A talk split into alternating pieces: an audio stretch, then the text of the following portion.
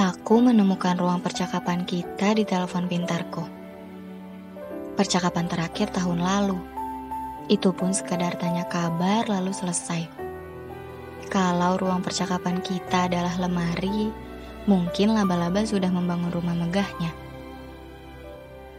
Karena sudah lama, kita sepakat untuk berjumpa. Di kedai kopi biasa, yang tak perlu kusebut namanya, kau langsung tahu di mana. Awalnya aku kira jika kita terpisah lama akan jadi seru kalau ketemu.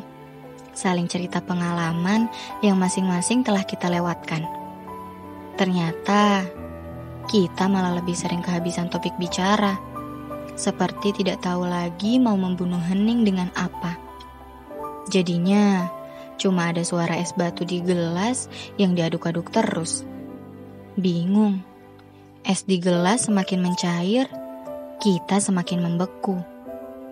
Awalnya aku kira jarak dan waktu tidak akan membekukan apa pun. Tidak hubungan kita, tidak guyonanmu, juga tidak curhatan-curhatan yang tanpa izin dulu.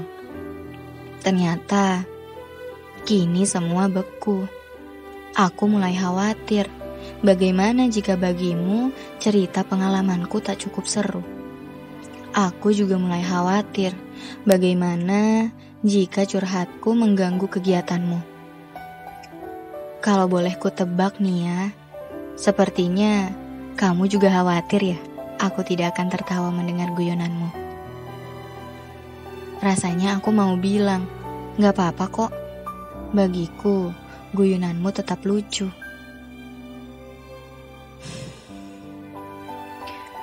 Bagaimana caranya menjelaskan bahwa meskipun mati gaya, kepadamu aku tak pernah mati rasa. Kau tetap salah satu dari sedikit pemilik berangkas besar memori di kepala. Tokoh protagonis yang sering muncul di halaman-halaman cerita, yang siap menasehati saat aku keliru, yang selalu mempercayai saat semua ragu. Bagiku kau tetap seperti itu sampai kapan pun. Tapi, ternyata kita terlalu naif. Meski pernah seerat apa pun, suatu hubungan tetap harus dipupuk. Tetap butuh bertemu sesekali. Tetap butuh apa kabar. Kalau persahabatan diumpamakan kepompong, aku bahagia. Kamu menjelma kupu-kupu yang indah, beterbangan melihat dunia.